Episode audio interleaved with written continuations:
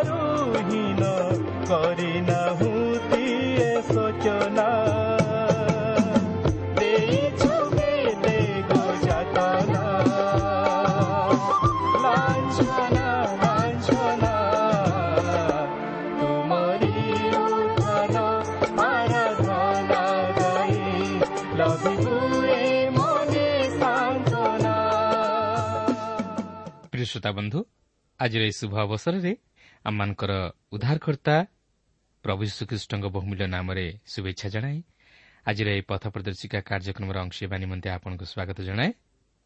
ଆପଣଙ୍କର ସହଯୋଗ ନିମନ୍ତେ ବିଶେଷ ଧନ୍ୟବାଦ। ଆପଣ ନିଜେ ଏହି କାର୍ଯ୍ୟକ୍ରମ ଶୁଣିବା ସଙ୍ଗେ ସଙ୍ଗେ ଅନ୍ୟମାନଙ୍କୁ ଶୁଣାଇବାରେ ଉତ୍ସାହିତ କରୁଥିବାର ଜାଣି ଆମେ ମଧ୍ୟ ବିଶେଷ ଖୁସି। ଆମର ଅନୁରୋଧ ଆପଣ ସେମାନଙ୍କୁ ଏହି କାର୍ଯ୍ୟକ୍ରମ ଶୁଣାଇବାରେ ସାହାଯ୍ୟ କରିବା ସଙ୍ଗେ ସଙ୍ଗେ ସେମାନଙ୍କୁ ପତ୍ର ମାଧ୍ୟମରେ ଆମ ସହ ଯୋଗାଯୋଗ କରିବା ନିମନ୍ତେ ଉତ୍ସାହ ପ୍ରଦାନ କରନ୍ତୁ। ତାହେଲେ ପ୍ରଭୁ ଆପଣଙ୍କୁ ଆଶୀର୍ବାଦ କରିବେ ଆହୁରି ଆହୁରି ଆତ୍ମିକ ଜୀବନରେ ବର୍ଦ୍ଧିଷ୍ଣୁ କରାଇବେ।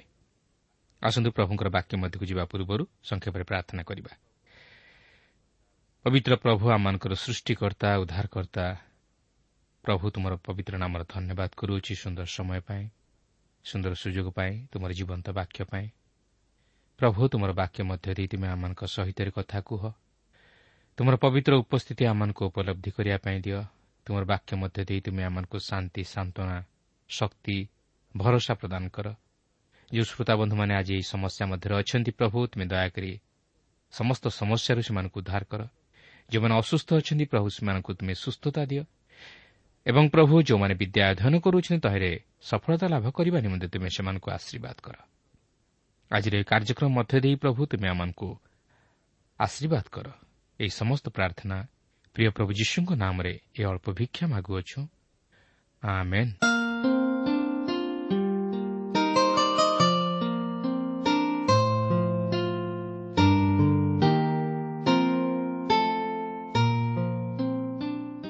ଆସନ୍ତୁ ବର୍ତ୍ତମାନ ଆମେ ପ୍ରଭୁଙ୍କର ବାକ୍ୟ ମଧ୍ୟକୁ ଯିବା। ଆଜି ଆମେ ଝିଅଝିଅ ପୁସ୍ତକର ଉଣେଇଶ ପର୍ବର ପ୍ରଥମ ପଦରୁ ଆରମ୍ଭ କରି କୋଡ଼ିଏ ପର୍ବର ନଅ ପଦ ପର୍ଯ୍ୟନ୍ତ ଅଧ୍ୟୟନ କରିବା ନିମନ୍ତେ ଯିବା। ତେବେ ଏହି ପର୍ବରେ ଆମେ ଇସ୍ରାଏଲ୍ର ସେହି ଛଅଟି ବଂଶ ମଧ୍ୟରେ ଝିଅ ଝିଅ କିପରି ଭୂମି ବଣ୍ଟନ କଲେ ତାହା ଦେଖିବାକୁ ଯିବା। ତେବେ ଅଠର ପର୍ବରେ ଆମେ ଦେଖିଥିଲୁ ଯେ ବିନ୍ୟାମିନ୍ ବଂଶ ଜିହୁଦା ଓ ଇଫ୍ରାଇମ୍ ଓ ଦାନ୍ ବଂଶର ମଧ୍ୟବର୍ତ୍ତୀ ଅଞ୍ଚଳରେ ଅଂଶ ପାଇଲେ। କିନ୍ତୁ ଆଜି ଆମେ ଅନ୍ୟ ଛଅଟି ବଂଶର ଭୂମି ବଣ୍ଟନ ନେଇ ଆଲୋଚନା କରିବା ତେବେ ଉଣେଇଶ ପର୍ବର ପ୍ରଥମ ପଦରୁ ନଅ ପଦ ମଧ୍ୟରେ ଆମେ ଦେଖିବାକୁ ପାରୁଛୁ ଯେ ସିମିଓନ ବଂଶକୁ ଝିଅ ଝିଅ ଭୂମି ବାଣ୍ଟି ଦେଉଛନ୍ତି ଯାହାକି ଆମେ ଉଣେଇଶ ପର୍ବର ନଅ ପଦରେ ଲକ୍ଷ୍ୟ କରିବାକୁ ପାରୁ ତେବେ ଏଥିପୂର୍ବରୁ ଆମେ ପନ୍ଦର ପର୍ବରେ ଦେଖିଥିଲୁ ଯେ ଜିହୁଦା ବଂଶକୁ ଏକ ବିଶେଷ ଅଂଶ ଦିଆଯାଇଥିଲା କାରଣ ଜିହୁଦା ଏକ ରାଜକୀୟ ବଂଶ ଭାବରେ ଖ୍ୟାତି ଲାଭ କରିବାକୁ ଥିଲା।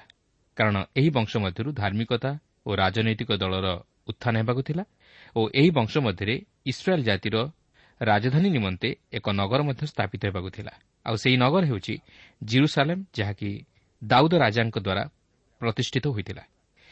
ତେଣୁକରି ଆପଣ ଦେଖନ୍ତୁ ଏହି ଭୂମିର ଅଂଶ ମଧ୍ୟରୁ ଜିହୁଦା ଗୋଷ୍ଠୀ ଅଧିକ ପାଇଥିଲେ। କାରଣ ଏହି ଜିହୁଦା ଗୋଷ୍ଠୀରୁ ଏକ ରାଜକୀୟ ବଂଶର ଉତ୍ଥାନ ହେବାକୁ ଥିଲା ଓ ସେମାନେ ଧର୍ମ କ୍ଷେତ୍ରରେ ଓ ରାଜନୈତିକ କ୍ଷେତ୍ରରେ ଏକ ଗୁରୁତ୍ୱପୂର୍ଣ୍ଣ ଭୂମିକା ଗ୍ରହଣ କରିବାକୁ ଥିଲା। ଆପଣ ଦେଖନ୍ତୁ ଜିହୁଦାକୁ ଅଧିକ ଅଂଶ ଦିଆଯାଇଥିବାରୁ ସେହି ଜିହୁଦାର ଅଂଶ ମଧ୍ୟରୁ ଦକ୍ଷିଣ ଅଂଶ ସିମିଓନ୍କୁ ଦିଆଯାଇଥିଲା। ଏଠାରେ ମଧ୍ୟ ଆମକୁ ଏକ ଆତ୍ମିକ ଶିକ୍ଷା ମିଳେ ଯେ ଆମେ ଈଶ୍ୱରଙ୍କଠାରୁ ଯେଉଁ ସମସ୍ତ ଆତ୍ମିକ ଆଶୀର୍ବାଦ ପ୍ରାପ୍ତ ହେଉ ତହିଁରେ ଯେପରି ଅନ୍ୟମାନଙ୍କୁ ଅଂଶୀ କରାଉ। କେବଳ ତାହା ନୁହେଁ ଆମେ ଈଶ୍ୱରଙ୍କଠାରୁ ଯେଉଁ ସମସ୍ତ ବିଷୟ ଅଧିକ ମାତ୍ରାରେ ପାଇଅଛୁ ତହିଁରେ ଯେପରି ଅନ୍ୟମାନଙ୍କୁ ଅଂଶୀ କରାଉ।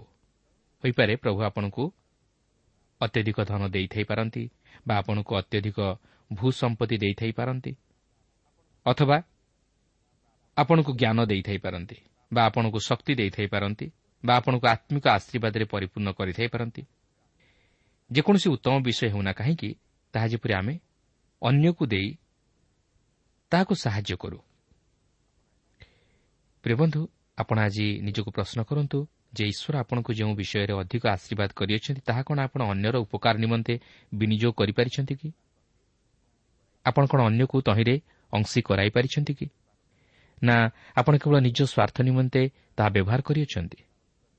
କିନ୍ତୁ ଈଶ୍ୱର ଆମକୁ ଯେଉଁ ସମସ୍ତ ବିଷୟ ଅଧିକ ରୂପେ ଦାନ କରିଅଛନ୍ତି ସେ ଚାହାନ୍ତି ଆମେ ଯେପରି ତାହାକୁ ଅନ୍ୟର ଉପକାର ନିମନ୍ତେ ବ୍ୟବହାର କରି ଅନ୍ୟମାନଙ୍କୁ ତହିଁରେ ଅଂଶୀ କରାଉ। ଆପଣ ଦେଖନ୍ତୁ ଯେଉଁ ବୃକ୍ଷ ଅଧିକ ଫଳ ଫଳେ ସେ ଅଧିକ ଲୋକମାନଙ୍କର କ୍ଷୁଧାକୁ ନିବାରଣ କରେ। ମାତ୍ର ଯେଉଁ ବୃକ୍ଷ ଅଳ୍ପ ଫଳ ଫଳେ ସେ ଅଳ୍ପ ଲୋକମାନଙ୍କର କ୍ଷୁଧାକୁ ନିବାରଣ କରେ। କିନ୍ତୁ ଆପଣ ଦେଖନ୍ତୁ ଯେଉଁ ବୃକ୍ଷ ଫଳ ଧାରଣ ନ କରେ ତାହା ନିକଟକୁ କେହି ଯାଆନ୍ତି ନାହିଁ। ତେଣୁକରି ଯେଉଁ ବ୍ୟକ୍ତି ନିଜର ସ୍ୱାର୍ଥ ନିମନ୍ତେ ଈଶ୍ୱର ଦେଇଥିବା ଧନକୁ ସଞ୍ଚିତ କରି ରଖେ ତାହାକୁ ଧନୀ କୁହାଯାଏ ନାହିଁ।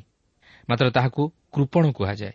ମାତ୍ର ଯେଉଁ ବ୍ୟକ୍ତି ତାହା ଅନ୍ୟର ଉପକାର ନିମନ୍ତେ ବ୍ୟବହାର କରେ ବା ଅନ୍ୟକୁ ତହିଁରେ ଅଂଶୀ କରାଏ ତାହାକୁ ପ୍ରକୃତରେ ଲୋକେ ଧନୀ ବୋଲି କହନ୍ତି ତେଣୁକରି ପ୍ରିୟ ବନ୍ଧୁ ଈଶ୍ୱର ଆମକୁ ଯେଉଁ ବିଷୟରେ ଅଧିକରୁ ଅଧିକ ଆଶୀର୍ବାଦ କରିଅଛନ୍ତି ଆମେ ଯେପରି ତାହା କେବଳ ନିଜ ନିମନ୍ତେ ଧରି ନ ରଖୁ ମାତ୍ର ଅନ୍ୟର ଉପକାର ନିମନ୍ତେ ବ୍ୟବହାର କରୁ ହୋଇପାରେ ଏହା ଜାଗତିକ ବା ଆତ୍ମିକ ମାତ୍ର ସେ ଯାଉନା କାହିଁକି ଆମେ ତହିଁରେ ଅନ୍ୟକୁ ଅଂଶୀ କରାଇବା ନିମନ୍ତେ ଚେଷ୍ଟା କରୁ ଏହାପରେ ଏହି ଉଣେଇଶ ପର୍ବର ଦଶ ପଦରୁ ଅଡ଼ଚାଳିଶ ପଦରେ ଆମେ ଆଉ ଅବଶିଷ୍ଟ ପାଞ୍ଚ ବଂଶର ଭୂମି ବଣ୍ଟନ ବିଷୟ ନେଇ ଲକ୍ଷ୍ୟ କରିବାକୁ ଯିବା। ସେହି ପାଞ୍ଚ ବଂଶ ହେଲେ ସବଲୁନ୍ ଇସାଖର ଆସେର ନପ୍ତାଲି ଓ ଦାନ। ତେବେ ଆମେ ସେହିସବୁ ପଦଗୁଡ଼ିକୁ ପାଠ କରିବା ପାଇଁ ଯିବା ନାହିଁ କିନ୍ତୁ ସେମାନେ ଯେଉଁ ଯେଉଁ ଅଞ୍ଚଳ ପାଇଲେ ତାହା ମୁଁ ସଂକ୍ଷେପରେ ଆପଣଙ୍କୁ ଜଣାଇ ଦେଉଛି। ସବଲୁନ୍ ବଂଶ ଗାଲିଲିର ନିମ୍ନତମ ଅଞ୍ଚଳରେ ବସବାସ କରି ତାହା ଅଧିକାର କଲେ। ଇସାଖର ତାବୋର ପର୍ବତରୁ ନେଇ ପଶ୍ଚିମରେ ଗାଲିଲି ସମୁଦ୍ରର ଦକ୍ଷିଣ ଅଂଶ ପର୍ଯ୍ୟନ୍ତ ଅଧିକାର କଲେ। ନପ୍ତାଲି ବଂଶ ଗାଲିଲିର ପୂର୍ବ ପାଖ ଉପର ଓ ତଳ ଭୂମିକୁ ଅଧିକାର କରି ବସତି ସ୍ଥାପନ କଲେ। ଦାନବଂଶ ବିନ୍ୟାମିନ୍ ଓ ଭୂମଧ୍ୟ ସାଗର ଅଞ୍ଚଳର ମଧ୍ୟବର୍ତ୍ତୀ ସ୍ଥାନକୁ ଅଧିକାର କରି ବାସ କଲେ ଓ ଆଶରେ ବଂଶ ଭୂମଧ୍ୟ ସାଗରଠାରୁ ସବଲୁନ୍ ଓ ନପ୍ତାଲିର ମଧ୍ୟବର୍ତ୍ତୀ ଅଞ୍ଚଳକୁ ଅଧିକାର କରି ତହିଁରେ ବସବାସ କଲେ। ତେବେ ଏହି ସମସ୍ତ ବିଷୟ ଆମକୁ ଯଦିଓ ସେତେ ଗୁରୁତ୍ୱପୂର୍ଣ୍ଣ ବୋଲି ଜଣାଯାଏ ନାହିଁ ମାତ୍ର ତଥାପି ତହିଁରୁ ଆମର ଆଧ୍ୟାତ୍ମିକ ଜୀବନ ନିମନ୍ତେ କେତେକ ନିଗୁଢ଼ ଶିକ୍ଷା ମିଳେ। ପ୍ରଥମତଃ ଆପଣ ଦେଖନ୍ତୁ ଈଶ୍ୱର ତାଙ୍କର ଲୋକମାନଙ୍କର ବସବାସ ନିମନ୍ତେ ଚିନ୍ତା କରି ସେମାନଙ୍କର ପ୍ରତ୍ୟେକ ବଂଶକୁ ଏକ ଏକ ନିର୍ଦ୍ଦିଷ୍ଟ ସ୍ଥାନ ଯୋଗାଇଲେ ଯେପରି ସେମାନେ ତାହା ଅଧିକାର କରି ପ୍ରତ୍ୟେକ ଆପଣା ଆପଣା ବଂଶାନୁସାରେ ପୃଥକ ପୃଥକ ହୋଇ ବାସ କରିପାରନ୍ତି। ଦେଖନ୍ତୁ ଈଶ୍ୱର ସେମାନଙ୍କର ବସବାସ ନିମନ୍ତେ କେତେଦୂର ଚିନ୍ତିତ ନ ଥିଲେ ସେ ସେମାନଙ୍କ ନିମନ୍ତେ ଚିନ୍ତା କରି ସେମାନଙ୍କୁ କେବଳ ସେହି କିଣା ଦେଶ ଦେଲେ ନାହିଁ ମାତ୍ର ସେହି ଦେଶକୁ ବିଭାଗ କରି ପ୍ରତ୍ୟେକ ବଂଶ ଅନୁସାରେ ପ୍ରତ୍ୟେକଙ୍କୁ ଏକ ଏକ ନିର୍ଦ୍ଦିଷ୍ଟ ଅଞ୍ଚଳ ମଧ୍ୟ ଦେଲେ। କାରଣ ସେ ପ୍ରତ୍ୟେକଙ୍କର ଭୂମିର ସୀମା ମଧ୍ୟ ନିରୂପଣ କରନ୍ତି ଓ ପ୍ରତ୍ୟେକଙ୍କର ନିମନ୍ତେ ବାସ ଯୋଗାନ୍ତି। ପ୍ରିୟ ବନ୍ଧୁ ଆପଣ ଯେଉଁ ଭୂମିରେ ଚାଷବାସ କରୁଅଛନ୍ତି ବା ଯେଉଁ ସ୍ଥାନରେ ବାସ କରୁଅଛନ୍ତି ତାହା ମଧ୍ୟ ଈଶ୍ୱରଙ୍କ ଦ୍ୱାରା ସ୍ଥିରୀକୃତ। ତାଙ୍କର ଅଗୋଚରରେ କୌଣସି ବିଷୟ ଘଟେ ନାହିଁ। ସେ ଆପଣଙ୍କ ପାଇଁ ଭୂମି ଯୋଗାନ୍ତି ଓ ଭୂମିର ସୀମା ମଧ୍ୟ ନିରୂପଣ କରନ୍ତି। ଆଉ ସେ ଚାହାନ୍ତି ଆପଣ ଯେପରି ତହିଁରେ ସନ୍ତୁଷ୍ଟ ରହି ସେହି ସୀମା ମଧ୍ୟରେ ବସବାସ କରନ୍ତି ବା ଚାଷବାସ କରନ୍ତି। କିନ୍ତୁ ଆପଣ ଯଦି ସୀମା ଘୁଞ୍ଚାନ୍ତି ତାହେଲେ ଆପଣ ତାହାଙ୍କର ବିରୁଦ୍ଧାଚରଣ କାର୍ଯ୍ୟ କରନ୍ତି ଓ ଏଥିନିମନ୍ତେ ତହିଁର ପ୍ରତିଫଳ ଆପଣଙ୍କୁ ଭୋଗ କରିବାକୁ ହେବ। ଏଥିସହିତ ଆମକୁ ଏହି ଅଂଶରୁ ଆଉ ଏକ ଆତ୍ମିକ ଶିକ୍ଷା ମିଳେ ଯେ ଈଶ୍ୱର ଆମର ବ୍ୟକ୍ତିଗତ ଜୀବନ ବିଷୟରେ ମଧ୍ୟ ଚିନ୍ତା କରନ୍ତି। ଆମମାନଙ୍କର ବାସ ବସ୍ତ୍ର ଓ ଆହାର ବିଷୟରେ ମଧ୍ୟ ସେ ଚିନ୍ତା କରନ୍ତି। ଆମମାନଙ୍କର କୌଣସି ବିଷୟ ତାହାଙ୍କ ନିକଟରେ ଅଛପା ନୁହେଁ। ଆମମାନଙ୍କର ପ୍ରତ୍ୟେକଟି ବିଷୟକୁ ସେ ନିରୀକ୍ଷଣ କରନ୍ତି ଓ ଆମର ପ୍ରତ୍ୟେକ ବିଷୟରେ ସେ ହସ୍ତକ୍ଷେପ କରିବାକୁ ଚାହାନ୍ତି। ଚିନ୍ତା କରନ୍ତୁ ଯଦି ସେ ଆମମାନଙ୍କର ରହିବା ନିମନ୍ତେ ଭୂମି ଯୋଗାନ୍ତି ତାହେଲେ ସେ କ'ଣ ଆମର ଜୀବନ ନିମନ୍ତେ ଆମର ବ୍ୟକ୍ତିଗତ ଜୀବନର ପ୍ରତ୍ୟେକ ବିଷୟ ନିମନ୍ତେ ଧ୍ୟାନ ଦିଅନ୍ତି ନାହିଁ? ହଁ ନିଶ୍ଚୟ ସେ ଧ୍ୟାନ ଦିଅନ୍ତି। ଆମମାନଙ୍କର କୌଣସି ବିଷୟ ତାହାଙ୍କ ନିକଟରେ ଗୁପ୍ତ ନୁହେଁ। କିନ୍ତୁ ମୋର କହିବାର କଥା ଆମେ ଲୋକମାନଙ୍କଠାରୁ ନିଜକୁ ଗୁପ୍ତ ରଖିପାରୁ। ମାତ୍ର ଈଶ୍ୱରଙ୍କଠାରୁ ଗୁପ୍ତ ରଖିବାକୁ ଚେଷ୍ଟା ନ କରୁ। କିନ୍ତୁ ବେଳେବେଳେ ତାହାର ବିପରୀତ ବିଷୟ ଆମ ଜୀବନରେ ଘଟେ। ଆମେ ମନୁଷ୍ୟମାନଙ୍କ ନିକଟରେ ନିଜର ବ୍ୟକ୍ତିଗତ ବିଷୟ ପ୍ରକାଶ କରୁ ମାତ୍ର ଈଶ୍ୱରଙ୍କ ନିକଟରେ ତାହା ପ୍ରକାଶ କରିବା ନିମନ୍ତେ ଚେଷ୍ଟା କରୁନା। କିନ୍ତୁ ମୁଁ ଜାଣିବାରେ ଆମେ ଯଦି ଈଶ୍ୱରଙ୍କ ନିକଟରେ ତାହା ପ୍ରକାଶ କରୁ ଓ ଆମର ସମସ୍ତ ବିଷୟ ତାହାଙ୍କୁ ଜଣାଉ ତାହେଲେ ଆମେ ନିଶ୍ଚୟ ନିଜର ସମସ୍ୟାରୁ ମୁକ୍ତ ହୋଇପାରିବା ଓ ତହିଁର ସମାଧାନ ନିମନ୍ତେ ଉତ୍ତର ମଧ୍ୟ ପାଇପାରିବା। ତେଣୁ ଆମେ ଯଦି ମନୁଷ୍ୟମାନଙ୍କଠାରୁ ପୃଥକ ରହି ପ୍ରଭୁ ଯୀଶୁଙ୍କ ସହିତ ସହଭାଗିତା ସ୍ଥାପନ କରୁ ଓ ତାହାଙ୍କୁ ଆମ ଜୀବନରେ ସାଥୀ କରି ତାହାଙ୍କୁ ସମସ୍ତ ବିଷୟ ଜଣାଉ ତାହେଲେ ସେ ଆମର ବୋଝକୁ ହାଲୁକା କରି ଆମକୁ ଶାନ୍ତି ଦେବେ। ତେବେ ଏହାର ଅର୍ଥ ନୁହେଁ ଯେ ସେ ଆମର ବ୍ୟକ୍ତିଗତ ଜୀବନ ବିଷୟରେ କୌଣସି ବିଷୟ ନ ଜାଣିଥିବାରୁ ଆମେ ତାହାଙ୍କୁ ଜଣାଇବାକୁ ପଡ଼ିବ। ମାତ୍ର ସେ ଆମର ବ୍ୟକ୍ତିଗତ ବିଷୟ ସମସ୍ତ ଜାଣିଥିବାରୁ ଆମକୁ ତାହାଙ୍କ ନିକଟରେ ତାହା ଜଣାଇବାକୁ ପଡ଼ିବ। କାରଣ ତାହା ହିଁ ସେ ଆମ ପ୍ରତ୍ୟେକଙ୍କ ଜୀବନରୁ ଆଶା କରନ୍ତି। ସେଥିପାଇଁ ପ୍ରଭୁ ଯୀଶୁ ନିଜେ କହନ୍ତି ହେ ପରିଶ୍ରାନ୍ତ ଓ ଭାରଗ୍ରସ୍ତ ଲୋକ ସମସ୍ତେ ମୋ ନିକଟକୁ ଆସ ମୁଁ ତୁମମାନଙ୍କୁ ବିଶ୍ରାମ ଦେବି। ପ୍ରିୟ ବନ୍ଧୁ ମୁଁ ଜାଣେ ଆପଣ ନିଶ୍ଚୟ ସମସ୍ୟା ମଧ୍ୟ ଦେଇ ଗତି କରୁଅଛନ୍ତି। କିନ୍ତୁ ମୁଁ ଆପଣଙ୍କର ସମସ୍ୟା ସମାଧାନ କରିପାରେ ନାହିଁ। ବା କୌଣସି ମନୁଷ୍ୟ ଆପଣଙ୍କର ସମସ୍ୟାରୁ ଆପଣଙ୍କୁ ଉଦ୍ଧାର କରିପାରିବ ନାହିଁ। ଯେପର୍ଯ୍ୟନ୍ତ ପ୍ରଭୁଙ୍କ ଆଡ଼ୁ ଆଦେଶ ନ ଆସିଛି। କିନ୍ତୁ ମନେ ରଖନ୍ତୁ ପ୍ରଭୁ ଯୀଶୁ ଆପଣଙ୍କର ପ୍ରତ୍ୟେକଟି ବିଷୟକୁ ଜାଣନ୍ତି। ଆପଣଙ୍କର ପତନ କେଉଁଠାରେ ଘଟିଅଛି ତାହା ସେ ଜାଣନ୍ତି। ଆପଣଙ୍କର ସମସ୍ୟା ମଧ୍ୟ ସେ ଜାଣନ୍ତି। ମାତ୍ର ଯେପର୍ଯ୍ୟନ୍ତ ଆପଣ ଆପଣଙ୍କର ବ୍ୟକ୍ତିଗତ ବିଷୟ ଉପରେ ତାହାଙ୍କୁ ହସ୍ତକ୍ଷେପ କରିବାକୁ ସୁଯୋଗ ନ ଦେଇଛନ୍ତି ସେ ପର୍ଯ୍ୟନ୍ତ ସେ ଆପଣଙ୍କର ବ୍ୟକ୍ତିଗତ ବିଷୟରେ କୌଣସି ହସ୍ତକ୍ଷେପ କରିବେ ନାହିଁ। ତାହେଲେ ଆପଣ କ'ଣ ଭାବୁଛନ୍ତି? ମୁଁ ଭାବୁଛି ଆପଣ ବର୍ତ୍ତମାନ ଟିକେ ଦ୍ୱନ୍ଦ୍ୱରେ ପଡ଼ିଯାଇଥିବେ ନୁହେଁ କି? କିନ୍ତୁ ମୁଁ ଜାଣିବାରେ ଆପଣ ଯଦି ମନରେ କୌଣସି ପ୍ରକାର ସନ୍ଦେହ ବା ଦ୍ୱନ୍ଦ୍ୱଭାବ ନ ରଖି ଯଦି ପ୍ରଭୁ ଯୀଶୁଙ୍କଠାରେ ଆପଣଙ୍କର ବ୍ୟକ୍ତିଗତ ଜୀବନର ସମସ୍ୟାଟିକୁ ଉପସ୍ଥାପିତ କରନ୍ତି ତାହେଲେ ଆପଣ ଆପଣଙ୍କ ଜୀବନରେ ଏକ ସିଦ୍ଧାନ୍ତରେ ଉପନୀତ ହୋଇପାରିବେ। ଆପଣଙ୍କର ସମସ୍ୟା ମଧ୍ୟ ସମାଧାନ ହୋଇଯିବ। କିନ୍ତୁ ଯେପର୍ଯ୍ୟନ୍ତ ଆପଣ ତାହା ନିଜ ମନ ମଧ୍ୟରେ ରଖି ଆନ୍ଦୋଳିତ ହେଉଥିବେ ସେ ପର୍ଯ୍ୟନ୍ତ ଆପଣ ନିଜର ସମସ୍ୟାର ଉଦ୍ଧାର ପାଇବେ ନାହିଁ ବରଂ ଅଧିକରୁ ଅଧିକ ସମସ୍ୟା ମଧ୍ୟକୁ ଗତି କରିବେ। ଆଜି ଅନେକ ଲୋକ ଏହିପରି ନିଜର ବ୍ୟକ୍ତିଗତ ଜୀବନରେ ସମସ୍ୟା ମଧ୍ୟରେ ଗତି କରି ଓ ତାହାକୁ ନିଜ ମଧ୍ୟରେ ଗୁପ୍ତ ରଖିବାକୁ ଚେଷ୍ଟା କରି କୌଣସି ସିଦ୍ଧାନ୍ତରେ ଉପନୀତ ନ ହୋଇପାରିବାରୁ ବା ସେହି ସମସ୍ୟାରୁ ଉଦ୍ଧାର ପାଇବାର ପଥ ନ ପାଇବାରୁ ଆତ୍ମହତ୍ୟା କରନ୍ତି ବା ପାଗଳ ହୋଇ ବୁଲନ୍ତି ବା ସେହି ଦୁଃଖ ଓ ସମସ୍ୟା କିଛି ସମୟ ପର୍ଯ୍ୟନ୍ତ ଭୁଲିଯିବା ପାଇଁ ମଦ୍ୟପାନରେ ଆସକ୍ତ ହୁଅନ୍ତି ବା ନାନା ପ୍ରକାର କ୍ଷତିଜନକ ନିଶାଦ୍ରବ୍ୟ ବ୍ୟବହାର କରନ୍ତି। କିନ୍ତୁ ତଦ୍ୱାରା କ'ଣ ସେମାନେ ନିଜର ଦୁଃଖରୁ ବା ସମସ୍ୟାରୁ ଉଦ୍ଧାର ପାଇପାରନ୍ତି? କେବେ ନୁହେଁ ବରଂ ସମସ୍ୟା ବା ଦୁଃଖକୁ ଆହୁରି କିଣନ୍ତି। ଆପଣ ଦେଖନ୍ତୁ ରୋଗ ନିମନ୍ତେ ପଥି ଓ ରୋଗୀ ନିମନ୍ତେ ବୈଦ୍ୟର ପ୍ରୟୋଜନ। କିନ୍ତୁ ଯଦି ତହିଁରେ ବିପରୀତ ଘଟେ ତାହେଲେ ରୋଗୀ କ'ଣ ସୁସ୍ଥ ହୋଇପାରିବ କି? ଠିକ୍ ସେହିପରି ଆତ୍ମିକ ରୋଗ ନିମନ୍ତେ ଉପଯୁକ୍ତ ପଥ୍ୟ ଓ ବୈଦ୍ୟର ପ୍ରୟୋଜନ। ସେହି ପଥ୍ୟ କ'ଣ ଜାଣନ୍ତି? ତାହା ହେଉଛି ଈଶ୍ୱରଙ୍କ ବାକ୍ୟ। ଓ ସେହି ବୈଦ୍ୟ କିଏ ଜାଣନ୍ତି? ସେହି ବୈଦ୍ୟ ହେଉଛନ୍ତି ପ୍ରଭୁ ଯୀଶୁଖ୍ରୀଷ୍ଟ। ତେବେ ଆପଣ ଭାବିପାରନ୍ତି ଯେ ଖାଲି କ'ଣ ପ୍ରଭୁ ଯୀଶୁ ବୈଦ୍ୟ ଆଉ କ'ଣ କେହି ବୈଦ୍ୟ ନୁହନ୍ତି? ହଁ। ମୋ ଜୀବନରେ ମଧ୍ୟ ଦିନେ ସେହିପରି ଏକ ପ୍ରଶ୍ନ ଉଠିଥିଲା। ମାତ୍ର ମୁଁ ଶେଷରେ ନିଜର ଅନୁଭୂତି ତଥା ବିଶ୍ୱାସ ହେତୁ ଜାଣିବାକୁ ପାରିଲି ଯେ ବାସ୍ତବରେ ପ୍ରଭୁ ଯୀଶୁ ହିଁ କେବଳ ଆମର ପରମ ବୈଦ୍ୟ ପରମେଶ୍ୱର। ଯେ କି କେବଳ ଶାରୀରିକ ରୋଗ ନୁହେଁ ମାତ୍ର ଆତ୍ମିକ ରୋଗରୁ ମଧ୍ୟ ଆମକୁ ସୁସ୍ଥତା ଦିଅନ୍ତି। ତାଛଡ଼ା ସେ ନିଜେ ମଧ୍ୟ କହନ୍ତି ସୁସ୍ଥ ଲୋକମାନଙ୍କର ବୈଦ୍ୟଠାରେ ପ୍ରୟୋଜନ ନାହିଁ ମାତ୍ର ଅସୁସ୍ଥ ଲୋକମାନଙ୍କର ପ୍ରୟୋଜନ ଅଛି। କାରଣ ମୁଁ ଧାର୍ମିକମାନଙ୍କୁ ଆହ୍ୱାନ କରିବା ନିମନ୍ତେ ଆସିନାହିଁ ମାତ୍ର ପାପୀମାନଙ୍କୁ ଆହ୍ୱାନ କରିବା ନିମନ୍ତେ ଆସିଅଛି ପ୍ରିୟ ବନ୍ଧୁ ବାସ୍ତବରେ ପ୍ରଭୁ ଯୀଶୁ ହେଉଛନ୍ତି ପରମ ବୈଦ୍ୟ ଯିଏକି ଶାରୀରିକ ରୋଗରୁ ଓ ଆତ୍ମିକ ରୋଗରୁ ଆମକୁ ସୁସ୍ଥତା ଦିଅନ୍ତି ଓ ଆମର ସମସ୍ତ ସମସ୍ୟା ସମାଧାନ କରନ୍ତି।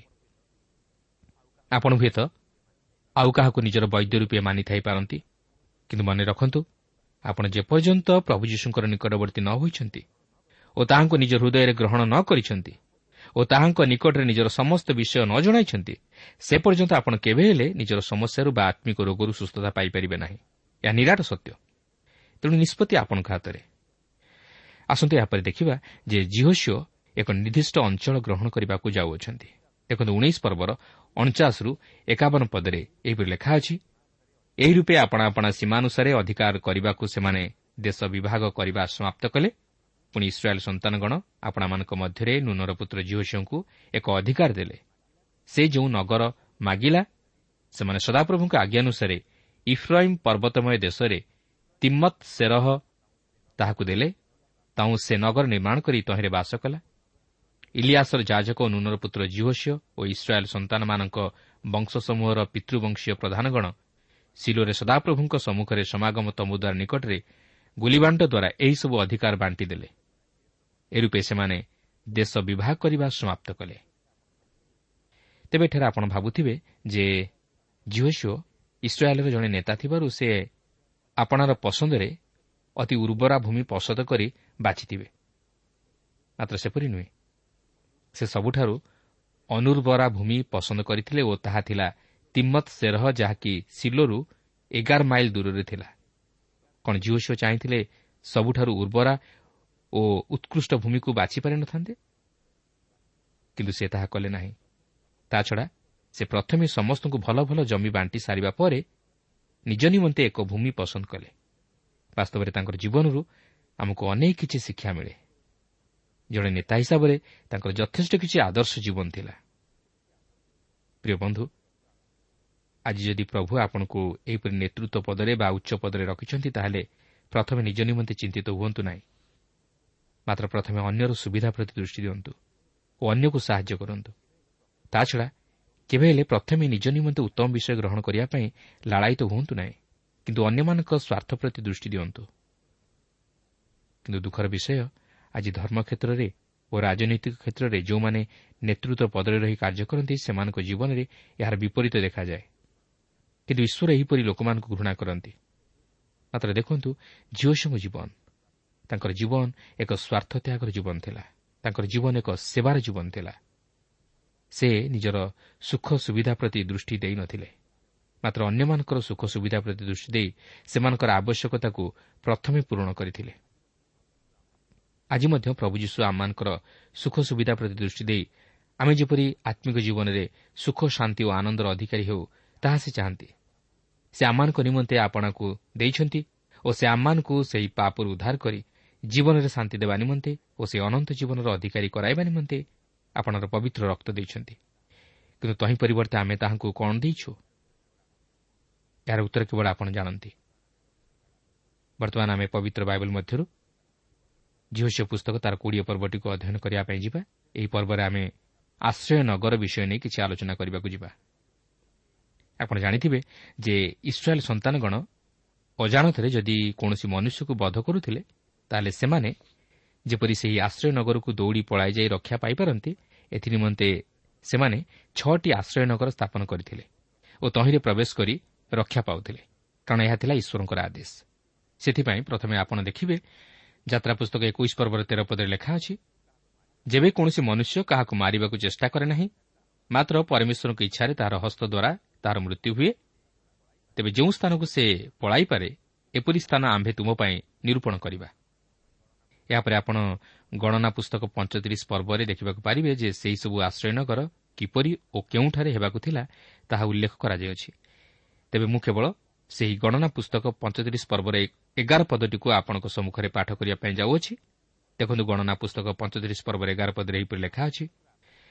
ଆପଣମାନଙ୍କର ଆଶ୍ରୟ ନଗର ହେବା ନିମନ୍ତେ କେତେଗୁଡ଼ିଏ ନଗର ନିରୂପଣ କରିବ? ତହିଁରେ ଯେଉଁ ଜନ ଭ୍ରାନ୍ତିରେ କୌଣସି ମନୁଷ୍ୟକୁ ବଧ କରେ ଏପରି ନରହତ୍ୟାକାରୀ ସେଠାକୁ ପଳାଇଯାଇପାରିବ ତେବେ ବର୍ତ୍ତମାନ ଆପଣ ଦେଖନ୍ତୁ ଇସ୍ରାଏଲ୍ ସନ୍ତାନଗଣ ସେହି ପ୍ରତିଜ୍ଞାତ ଦେଶରେ ପ୍ରବେଶ କରି ସେମାନଙ୍କର ବଂଶାନୁସାରେ ସ୍ଥାନ ଗ୍ରହଣ କରିନେଇଛନ୍ତି ଓ ଝିଅସ ସେମାନଙ୍କୁ ଆଶ୍ରୟ ନଗର ନିରୂପଣ କରିବା ନିମନ୍ତେ କହୁଛନ୍ତି ଯାହାକି କୋଡ଼ିଏ ପର୍ବର ପ୍ରଥମ ତିନି ପଦରେ ଲେଖା ଅଛି। ଆପଣ ଦେଖନ୍ତୁ ଯଦି ଜଣେ ଲୋକ ଅନ୍ୟ ଜଣେ ଲୋକକୁ ବଧ କରେ ଏହାର ଦୁଇଟି କାରଣ ମଧ୍ୟରୁ କୌଣସି ଗୋଟିଏ ହୋଇପାରେ? ସେ ଜାଣତରେ ବଧ କରିଥାଇପାରେ ବା ଅଜାଣତରେ ବଧ କରିଥାଇପାରେ? କିନ୍ତୁ ଏହି ଆଶ୍ରୟ ନଗରକୁ କେବଳ ସେହି ନରହତ୍ୟାକାରୀ ଦୌଡ଼ି ପଳାଯାଇ ରକ୍ଷା ପାଉଥିଲା ଯେ କି ଅଜାଣତରେ କୌଣସି ଲୋକକୁ ବଧ କରୁଥିଲା। କାରଣ ଇସ୍ରାଏଲ୍ ମଧ୍ୟରେ ଯେଉଁମାନେ ନରହତ୍ୟା କରୁଥିଲେ ସେମାନଙ୍କୁ ପଥର ପକାଇ ମରାଯାଉଥିଲା। ଆପଣ ବୋଧହୁଏ ପ୍ରଶ୍ନ କରିପାରନ୍ତି ଯେ ମଣିଷ ଅଜାଣତରେ କିପରି ଜଣେ ଲୋକକୁ ବଧ କରିବ? ଧରି ନିଅନ୍ତୁ ଆପଣ କାଠ କାଟୁଛନ୍ତି। କିନ୍ତୁ ଏପରି ସମୟରେ କୁରାଢ଼ିଟି ଛିଟିକି ଯାଏ ବା ତାହାର ବେଣ୍ଟରୁ ବାହାରିଯାଇ ଅନ୍ୟ ଜଣଙ୍କ ଦେହରେ ବାଜିବାରୁ ସେ ଯଦି ମରିଯାଏ ତାହେଲେ ତାହା ଅଜାଣତରେ ଆପଣ ସେହି ଲୋକକୁ ବଧ କଲେ ବୋଲି ଜଣାଯାଏ। ଓ ସେହି ପ୍ରକାର ଅପରାଧୀ ଯଦି ସେହି ଆଶ୍ରୟ ନଗରକୁ ଦୌଡ଼ି ପଳାଇଯାଇ ତହିଁରେ ଆଶ୍ରୟ ନିଏ ତାହେଲେ ତାହାକୁ କେହି ପ୍ରସ୍ତରାଘାତ କରି ବଧ କରିପାରିବେ ନାହିଁ। କାରଣ ସେ ଜାଣତରେ ନୁହେଁ ମାତ୍ର ଅଜାଣତରେ ଜଣେ ମନୁଷ୍ୟକୁ ବଧ କରିଅଛି। ତେଣୁକରି ଏହି ପ୍ରକାର ଏକ ନରହତ୍ୟାକାରୀ ଯେପରି ପ୍ରସ୍ତରାଘାତରେ ହତ ନ ହୁଏ ମାତ୍ର ସେହି ଆଶ୍ରୟ ନଗରକୁ ଦୌଡ଼ି ପଳାଇଯାଇ ରକ୍ଷା ପାଇପାରେ ଏଥିନିମନ୍ତେ ଈଶ୍ୱର ଏହିପରି ଏକ ଉପାୟ ପ୍ରସ୍ତୁତ କରିଥିଲେ ଯାହାକି କୋଡ଼ିଏ ପର୍ବର ଚାରିପଦରୁ ଛଅ ପଦ ମଧ୍ୟରେ ଆମେ ଲକ୍ଷ୍ୟ କରିବାକୁ ପାରୁ। ଆପଣ ଏଠାରେ ଲକ୍ଷ୍ୟ କରନ୍ତୁ ଯେ ଏହି ଆଶ୍ରୟ ନଗରର କାର୍ଯ୍ୟ। ଏହା ଏକ ଅପରାଧୀକି ଆଶ୍ରୟ ଦେଉଥିଲା କିନ୍ତୁ ଏଠାରେ ଆମକୁ ଏକ ମହାନ ଆତ୍ମିକ ଶିକ୍ଷା ମଧ୍ୟ ମିଳେ। ପ୍ରଭୁ ଯୀଶୁଖ୍ରୀଷ୍ଟ ହତ ହୋଇଥିଲେ ଓ ବାଇବଲ ମଧ୍ୟ ଅତି ପରିଷ୍କାର ଭାବେ ପ୍ରକାଶ କରେ ଯେ ପ୍ରଭୁ ଯୀଶୁଖ୍ରୀଷ୍ଟ କେବଳ ମୃତ୍ୟୁଭୋଗ କରିନଥିଲେ ସେ ମଧ୍ୟ ଆମର ଆଶ୍ରୟ ନଗର ସ୍ୱରୂପ ଅଟନ୍ତି। ଆପଣ ଏଭ୍ରି ଛଅ ପର୍ବର ଅଠର ପଦରେ ଦେଖିବାକୁ ପାରିବେ। ଏହି ଆଶ୍ରୟ ପାପରୁ ଉଦ୍ଧାର କରିବାର ବିଷୟକୁ ଦର୍ଶାଏ। ଯେଉଁମାନେ ପ୍ରଭୁ ଯୀଶୁଖ୍ରୀଷ୍ଟଙ୍କର ସେହି କୃଷ୍ୟ ମୃତ୍ୟୁରେ ବିଶ୍ୱାସ କରି ସେମାନଙ୍କର ପାପ ସବୁ ତାହାଙ୍କଠାରେ ସ୍ୱୀକାର କରନ୍ତି ସେମାନେ ପାପରୁ ଉଦ୍ଧାର ପାଆନ୍ତି। କାରଣ ଯେଉଁମାନେ ପ୍ରଭୁ ଯୀଶୁଖ୍ରୀଷ୍ଟଙ୍କଠାରେ ଆଶ୍ରୟ ନିଅନ୍ତି ସେମାନେ ଈଶ୍ୱରଙ୍କ ବିଚାରରୁ ରକ୍ଷା ପାଆନ୍ତି। କାରଣ ସେ ମାନବ ଜାତିକୁ ପାପରୁ ଉଦ୍ଧାର କରି ଈଶ୍ୱରଙ୍କ ବିଚାରରୁ ରକ୍ଷା କରିବା ନିମନ୍ତେ ନିଜେ କୃଷ୍ୟ ମୃତ୍ୟୁଭୋଗ କଲେ। ଯେପରି ସମଗ୍ର ମାନବ ଜାତି ପ୍ରତି ସେ ପରିତ୍ରାଣର କାରଣ ହୁଅନ୍ତି। କିନ୍ତୁ ବର୍ତ୍ତମାନ ପ୍ରଶ୍ନ ଉଠେ ଯେ ପ୍ରଭୁ ଯୀଶୁଙ୍କୁ କୃଷାର୍ପିତ କରିବାରେ ପ୍ରକୃତିରେ କିଏ ଦୋଷୀ? ଏହାର ଉତ୍ତର ହେଉଛି ସମଗ୍ର ଜଗତର ମାନବ ଜାତି ଦୋଷୀ। ଆପଣ ବୋଧହୁଏ କହିପାରନ୍ତି ଯେ ପ୍ରଭୁ ଯୀଶୁଙ୍କ ସମୟରେ ତ ମୁଁ ଜନ୍ମ ହୋଇନଥିଲି ତେବେ ମୁଁ କିପରି ତାହାଙ୍କର କୃଷାର୍ପିତ ହେବା ଘଟଣାରେ ଦୋଷୀ ହେବି? ଏହାର ଉତ୍ତର ହେଉଛି ଯେ ପ୍ରଭୁ ଯୀଶୁଖ୍ରୀଷ୍ଟ ମୋହର ପାପ ତଥା ଆପଣଙ୍କର ପାପ ଓ ସମଗ୍ର ମାନବ ଜାତିର ପାପ ନିମନ୍ତେ କୃଷରେ ହତ ହେଲେ ଓ ସେହି ରକ୍ତ ଦେଇ ଆମ ପ୍ରତ୍ୟେକଙ୍କ ନିମନ୍ତେ ସେହି ଉଦ୍ଧାର ସାଧନ କଲେ। ତେଣୁ ଆଜି ଆମେ ପ୍ରତ୍ୟେକ ତାଙ୍କର କୃଷି ମୃତ୍ୟୁ ପାଇଁ ଦାୟୀ। ସେଥିପାଇଁ ଯେଉଁମାନେ ଯୀଶୁଙ୍କଠାରେ ଆଶ୍ରୟ ନିଅନ୍ତି ଓ ତାହାଙ୍କ ନିକଟରେ ନିଜର ପାପ ସ୍ୱୀକାର କରନ୍ତି ସେମାନଙ୍କ ପ୍ରତି ସେ ଆଶ୍ରୟ ସ୍ୱରୂପ ଅଟନ୍ତି। ଆଜି ଆମେ ପ୍ରତ୍ୟେକ ପାପ କରି ଈଶ୍ୱରଙ୍କ ମହିମାରୁ ଉଣା ପଡ଼ିଅଛୁ। ଆଜି ଆମେ ପାପ କରିବା ଦ୍ୱାରା ତାହାଙ୍କର କୃଷ୍ୟ ମୃତ୍ୟୁକୁ ତାହାଙ୍କୁ ସ୍ମରଣ କରାଇଦେଉ ଆମେ ପାପ କରିବା ଦ୍ୱାରା ସେ ତାହାଙ୍କର ସେହି କୃଷ୍ୟ ଯନ୍ତ୍ରଣାକୁ ଅନୁଭବ କରନ୍ତି। ଆମେ ତାହା ଜାଣିପାରୁନା ମାତ୍ର ଆମେ ଅଜାଣତରେ ତାହାଙ୍କ ମନରେ ଦୁଃଖ ଦେଉ। ତାହାଙ୍କର ସେହି କୃଷ୍ୟ ଯନ୍ତ୍ରଣାକୁ ସ୍ମରଣ କରାଇଦେଉ ସେଥିପାଇଁ ପ୍ରେରିତ ତିନି ପର୍ବର ସତର ଓ ଅଠର ପଦରେ ଏହିପରି ଲେଖା ଅଛି ଆଉ ଏବେ ହେ ଭାଇମାନେ ଆପଣମାନଙ୍କ ଅଧ୍ୟକ୍ଷମାନେ ଯେପରି ଆପଣମାନେ ମଧ୍ୟ ସେପରି ଅଜ୍ଞାନତା ହେତୁ ଏହା କରିଅଛନ୍ତି ବୋଲି ମୁଁ ଜାଣେ। କିନ୍ତୁ ଈଶ୍ୱର ଆପଣା ଖ୍ରୀଷ୍ଟଙ୍କ ଦୁଃଖଭୋଗ ବିଷୟରେ ସମସ୍ତ ମାଓବାଦୀଙ୍କ ମୁଖ ଦ୍ୱାରା ଯାହା ଯାହା ପୂର୍ବରୁ ପ୍ରଚାର କରିଥିଲେ ସେହିସବୁ ସେ ଏହି ପ୍ରକାର ସଫଳ କରିଅଛନ୍ତି। ତେଣୁ ଏହିପରି ଭାବରେ ଚିନ୍ତା କଲେ ଆମେ ପ୍ରତ୍ୟେକ ପ୍ରଭୁ ଯୀଶୁଙ୍କର ସେହି କୃଷି ମୃତ୍ୟୁ ନିମନ୍ତେ ଦାୟୀ। ଆମେ ପ୍ରତ୍ୟେକ ଦୋଷୀ ଯେହେତୁ ପ୍ରଭୁ ଯୀଶୁ ଆମମାନଙ୍କର ପାପ ନିମନ୍ତେ ମୃତ୍ୟୁଭୋଗ କଲେ। ଚିନ୍ତା କରନ୍ତୁ ଯଦି ସେ ଆମ ପାପ ନିମନ୍ତେ କୃଷି ମୃତ୍ୟୁଭୋଗ କଲେ ତାହେଲେ ଆମେ କ'ଣ ତାହାଙ୍କର ମୃତ୍ୟୁ ନିମନ୍ତେ ଦାୟୀ ନୁହଁ? କିନ୍ତୁ ଈଶ୍ୱରଙ୍କର ନାମର ଧନ୍ୟବାଦ ହେଉ ଯେ ତାହାଙ୍କର ମୃତ୍ୟୁ ଆମମାନଙ୍କ ନିମନ୍ତେ ଆଶ୍ରୟ ନଗର ସ୍ୱରୂପ ଅଟେ। ଆମେ ସେହି ଖ୍ରୀଷ୍ଟଙ୍କଠାରେ ଆଶ୍ରୟ ନେବା ଦ୍ୱାରା ଉଦ୍ଧାରପ୍ରାପ୍ତ ହେଉ ଓ ଈଶ୍ୱରଙ୍କ ବିଚାରରୁ ରକ୍ଷା ପାଉ। ପ୍ରିୟ ବନ୍ଧୁ ମୁଁ ଜାଣେ ନା ଆପଣ କେଉଁପରି ପରିସ୍ଥିତିର ସମ୍ମୁଖୀନ ହୋଇ ଗତି କରୁଅଛନ୍ତି କିନ୍ତୁ ମୁଁ ଏତିକି ଜାଣେ ଯଦି ଆପଣ ପ୍ରଭୁ ଯୀଶୁ ଖ୍ରୀଷ୍ଟଙ୍କର ଆଶ୍ରୟ ନେବେ ତାହେଲେ ସେ ସମସ୍ତ ସମସ୍ୟାରୁ ଆପଣଙ୍କୁ ଉଦ୍ଧାର କରିବେ। ଏଠାରେ ଏହି କୋଡ଼ିଏ ପର୍ବର ସାତ ପଦରୁ ନଅ ପଦ ମଧ୍ୟରେ ଆପଣ ଲକ୍ଷ୍ୟ କରିବେ ଯେ ଇସ୍ରାଏଲ୍ ସନ୍ତାନଗଣ ଜିଓସିଓଙ୍କ ଆଦେଶ ଅନୁଯାୟୀ ଛଅଟି ଆଶ୍ରୟ ନଗର ନିର୍ମାଣ କଲେ। ଆପଣ ଦେଖନ୍ତୁ ଏଠାରେ ଛଅଟି ଆଶ୍ରୟ ନଗର ବିଷୟରେ ଲେଖାଯାଇଅଛି। କେଦସ୍ ସିକିମ୍ କିରିୟଥର୍ବ ଯାହାକି ଜର୍ଦ୍ଦନ ନଦୀର ପଶ୍ଚିମ ପାରିରେ ଥିଲା ଓ ବେତ୍ସର୍ ରାମୁତ୍ ଗୋଲନ୍ ଏହି ତିନୋଟି ଆଶ୍ରୟନଗର ଜର୍ଦ୍ଦନର ପୂର୍ବ ପାରିରେ ଥିଲା। କିନ୍ତୁ ଏଠାରେ ଏକ ଗୁରୁତ୍ୱପୂର୍ଣ୍ଣ ବିଷୟ ଲକ୍ଷ୍ୟ କରିବେ ଯେ ଏହି ଆଶ୍ରୟନଗର ସମସ୍ତ କେବଳ ଇସ୍ରାଏଲ୍ ସନ୍ତାନଗଣ ନିମନ୍ତେ ଆଶ୍ରୟସ୍ଥଳ ନ ଥିଲା ଏଥିସହିତ ସେମାନଙ୍କ ମଧ୍ୟରେ ପ୍ରବାସକାରୀ ବିଦେଶୀ ଲୋକ ପାଇଁ ମଧ୍ୟ ନିରୂପିତ ଥିଲା। ଈଶ୍ୱର ଯେ କେବଳ ଇସ୍ରାଏଲ୍ ଜାତି ପ୍ରତି ମନୋଯୋଗୀ ଥିଲେ ବା ସେମାନଙ୍କର ସୁରକ୍ଷା ପ୍ରତି ମନୋଯୋଗୀ ଥିଲେ ତାହା ନୁହେଁ ସେଥିସହିତ ସେମାନଙ୍କ ମଧ୍ୟରେ ପ୍ରବାସ କରୁଥିବା ବିଦେଶୀ ଲୋକମାନଙ୍କର ଉଦ୍ଧାରର ପ୍ରତି ମଧ୍ୟ ମନୋଯୋଗୀ ଥିଲେ। କାରଣ ସେ ସମସ୍ତଙ୍କର ଉଦ୍ଧାର ତଥା ମୁକ୍ତି ପ୍ରତି ଦୃଷ୍ଟି ଦିଅନ୍ତି। ସେ କେବଳ ଇସ୍ରାଏଲ୍ ଜାତିର ଈଶ୍ୱର ନୁହନ୍ତି ମାତ୍ର ସମଗ୍ର ମାନବ ଜାତିର ଉଦ୍ଧାରକର୍ତ୍ତା ଈଶ୍ୱର। ସେଥିପାଇଁ ସେ ସମଗ୍ର ଜଗତର ମାନବ ଜାତି ନିମନ୍ତେ ଉଦ୍ଧାରର କାର୍ଯ୍ୟ ସାଧନ କରିଅଛନ୍ତି।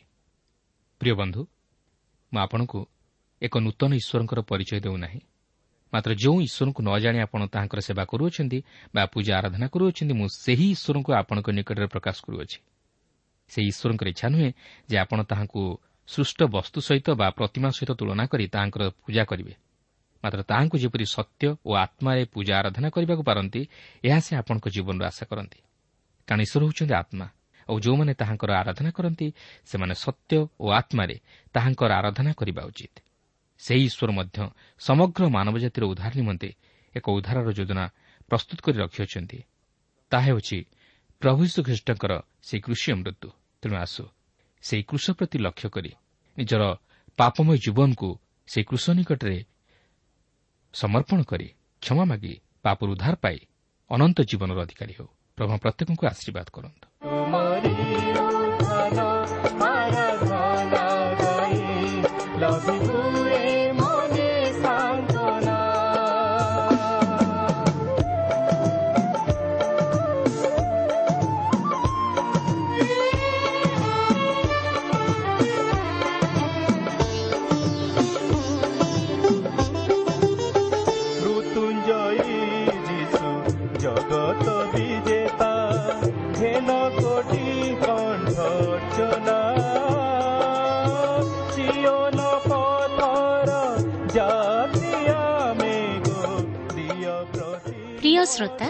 କାର୍ଯ୍ୟକ୍ରମ ଶୁଣିଥିବାରୁ ଆପଣଙ୍କୁ ଅଶେଷ ଧନ୍ୟବାଦ। ଏହି କାର୍ଯ୍ୟକ୍ରମ ଆପଣଙ୍କୁ କିପରି ଲାଗିଲା ଓ କେଉଁ ବିଷୟଟି ଆପଣଙ୍କ ହୃଦୟକୁ ଅଧିକ ସ୍ପର୍ଶ କରିଛି ତାହା ଲେଖି ଜଣାଇଲେ ଆମେ ବିଶେଷ ଉପକୃତ ହେବୁ। ଯଦି କିଛି ପ୍ରଶ୍ନ ବା ସନ୍ଦେହ ଥାଏ ତାହା ପତ୍ର ମାଧ୍ୟମରେ ଅଥବା ଟେଲିଫୋନ ଯୋଗେ ଆମକୁ ଜଣାନ୍ତୁ। ଆମର ଠିକଣା ପଥ ପ୍ରଦର୍ଶିକା Trans World Radio India post box number তিন তিন ভুবনেশ্বর সাত পাঁচ এক শূন্য শূন্য এক mobile number nine seven double seven double two one four one five ঠিকনাটি আউথরে শুণন্তু পথ প্রদর্শিকা Trans World Radio India post box number three three Bhubaneswar seven five one zero zero one mobile number nine seven double seven double two one four one five ଆମର email ଆଡ୍ରେସଟି ଲେଖି ରଖନ୍ତୁ Odia TV at radio eight eight two dot com ତେବେ ଆଜି ପାଇଁ ଏଠାରେ ରଖୁଛୁ ନମସ୍କାର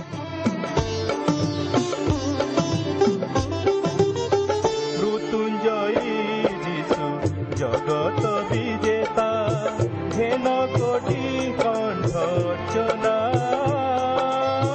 চিয়ন পথর জাতিয়া প্রিয় প্রতি